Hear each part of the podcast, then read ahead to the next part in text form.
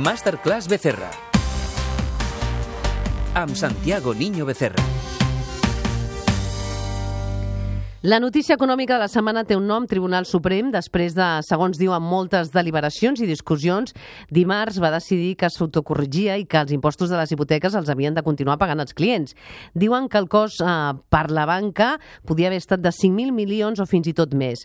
Com diu la dita, la banca mai no perd, però resulta que l'endemà el president Pedro Sánchez va anunciar un decret per obligar els bancs a ser ells qui paguin. Total, un embolic de calample i tothom enfadat.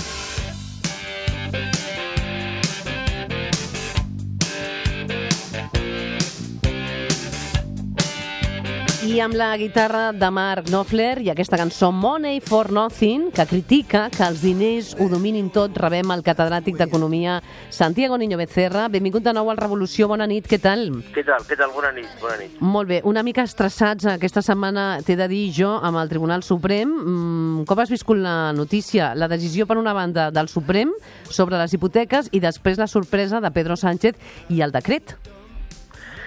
Bueno, ja d'entrada el que em va sobtar moltíssim és que eh, el 16 el Suprem digués una cosa i que el dia 17 eh, d'octubre el mateix Suprem es, és a dir, digués el contrari eh, i que tenia d'anar al ple per analitzar-lo. No? És a dir, això ja, ja, és, ja sobta moltíssim perquè d'alguna forma el Suprem s'estava traient la raó ell mateix. No? És a dir, això ja no havia passat mai a la història d'Espanya. Per altra banda, una notícia, sota el meu punt de vista, molt important va ser el que va dir el dia eh, 6 eh, la ministra d'Hisenda, eh, la senyora Montero, quan va eh, comentar que eh, si s'arribava a una retroactivitat, eh, això significaria eh, que, eh, evidentment, les hisendes locals eh, serien les que patirien d'entrada, perquè les, la, la,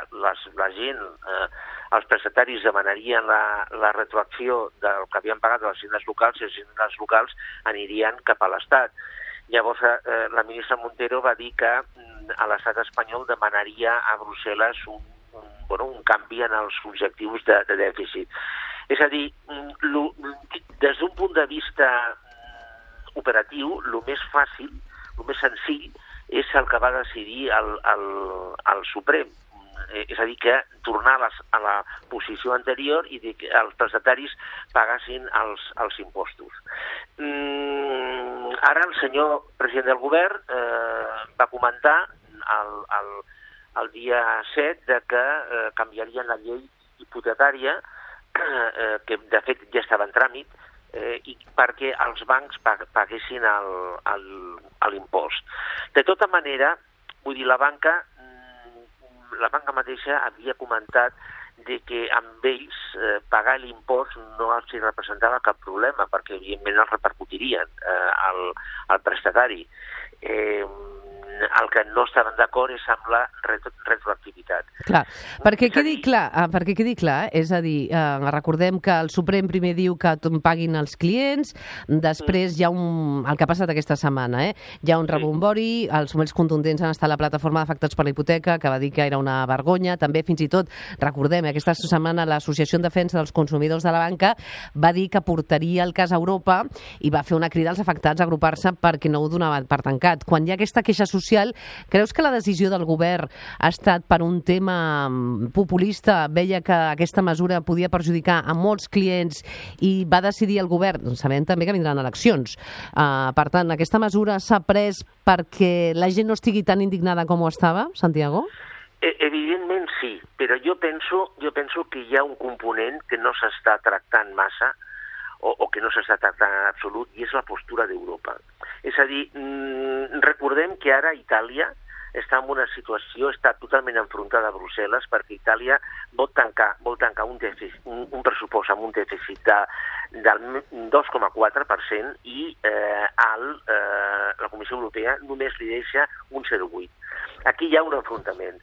Si eh, Espanya demanés un increment del dèficit del 0,5%, aquí tindria la Comissió Europea un altre problema. És a dir, això que has comentat, estic totalment d'acord, però jo penso que la, la posició d'Europa ha sigut molt important amb la eh, presa de, de decisions que s'ha que està fent tant el, primer el Banc d'Espanya i després el, el govern. Clar, perquè ara això, el, realment, al final preguntem, aquests costos, els clients ara serà la banca, no? Uh, en teoria qui pagarà, però es repercutiran d'alguna manera aquests costos. Home. Els hi volem explicar amb els oients que, per exemple, amb comissions uh, els hi poden repercutir, tot i que es diu que ara aquest impost el pagaria la banca, eh, ben bé, per darrere, si mirem la lletra petita, potser l'acabem pagant els mateixos consumidors, no, Santiago? A veure, eh, el, es, mm, càlculs fets per la mateixa banca apunten a que el, si la banca pagués l'impost eh, pujaria entre 850 i 900 milions d'euros. Mm, eh, la banca mm, el que no farà és, per a l'article 29, eh, carregar-se, eh, carregar el, el, a la seva compte de pèrdues i guanys eh, un, un, un cost de 850 milions d'euros. El que no farà és això. És a dir, mm, el, el que la banca intentarà és repercutir, no de cop, evidentment, eh, però eh, eh, amb, un, amb un temps, eh, el cost de, de, de l'impost. Que de fet, de fet la banca, torno a dir, eh, bueno, aquesta, aquesta mm, solució ja, ja li està bé. És a dir, la banca mm, el que no volia és la retroactivitat però bueno, pagar l'impost sí, perquè després ho, ho repercutirà. Una altra cosa, una altra cosa, és que comenci eh, eh, la banca entre ella, el que m'estranyaria moltíssim, a competir per atraure hipoteques i dir coses com no, no, l'impuesto no se lo cobraremos. Uh -huh. Llavors aquí no entro. Es, perquè, però, llavors es converteix en una estratègia comercial. És a dir, un banc pot dir que no cobrarà l'impost, l'impost, per atraure eh, prestataris o clients. Això, això és possible. Ara, d'entrada, bueno, eh, a veure, la, la, la banca eh, repercutirà aquesta quantitat, per, però per una raó molt, molt senzilla, perquè són 850 milions menys de beneficis. Uh mhm. -huh. Tan fàcil com això. Recordem, eh, el govern espanyol canviarà la llei de forma urgent perquè l'impost de les hipoteques el pagui la banca i no el client, com va dictaminar el Suprem aquest dimarts passat, eh, una decisió que ha provocat la indignació de diversos col·lectius i una pujada també aquesta setmana dels bancs a la borsa i, eh, com dèiem, doncs, creuen que mai més els espanyols, era el que deia Pedro Sánchez, paguin aquest impost i el pagui el sector financer a a, la banca. Um, et voldria preguntar, nosaltres que parlem de tecnologia, també s'ha dit que, escolta, amb la tecnologia blockchain eh, fa innecessària l'aplicació um, de, de, de l'impost o de l'impost de, les, de les hipoteques que també podria desaparèixer. Com ho veus això, Santiago Niño Becerra? Bueno, a, a veure, l'impost de les hipoteques eh, és un, un, una recaptació fiscal i, evidentment, a, a l'Estat, eh, les hisendes locals, necessiten recaptar fiscalment. Eh, és a dir, això és un fet. Eh, si aquest, aquest impost, és a dir, la pregunta, aquest impost es pot eliminar? Evidentment. De fet, el Partit Popular eh, és la, la, la proposta que ha fet, eliminar l'impost. El que passa és que si aquest impost s'elimina, el que, el que succeirà serà que hi haurà una recaptació fiscal més baixa i es tindrà de, eh, alguna forma, eh, compensar amb un altre tipus d'ingrés, amb un altre tipus de, eh, de, de tassa o d'impost. Mm, llavors, ara, eliminar sí, es pot eliminar, és a dir, cap problema. Uh -huh. No hi ha cap problema en eliminar l'impost. Uh -huh. Bé, uh, veurem què passa. Uh, el que sabem és que aquesta setmana, fins i tot, els jutges per la democràcia havia demanat la dimissió de, de l'ESMES. Jo si et pregunto, um, Santiago Niño Becerra, per la imatge del Suprem en aquest tema, tu, a tu què t'ha semblat? Jo, jo eh, és a dir, analitzant només la, la, el que ha passat en aquests dies, jo per mi la imatge del Suprem ha quedat molt, molt tocada moltíssim. De fet, el senyor, el senyor Lesmes, el, eh, el dia 7, mm, eh, va fer unes declaracions una mica... No, no demanava perdó, perquè, perquè això no, però bueno, deia que s'havien comès o s'havien pogut cometre una sèrie d'errors. Eh, la, la, per mi, la imatge del Suprem ha quedat molt, molt tocada, tocadíssima.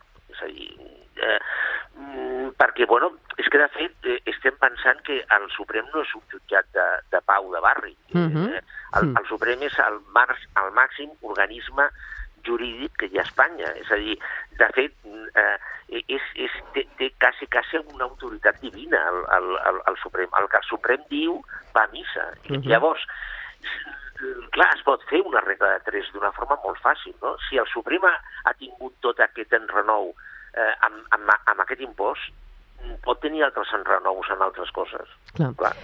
Molt bé. Doncs eh, hem d'anar acabant, ens quedarà per la propera secció, Santiago, parlar del dèficit fiscal interregional a Catalunya, sí. que és un tema que volem tractar al Revolució 4.0 de Catalunya Ràdio.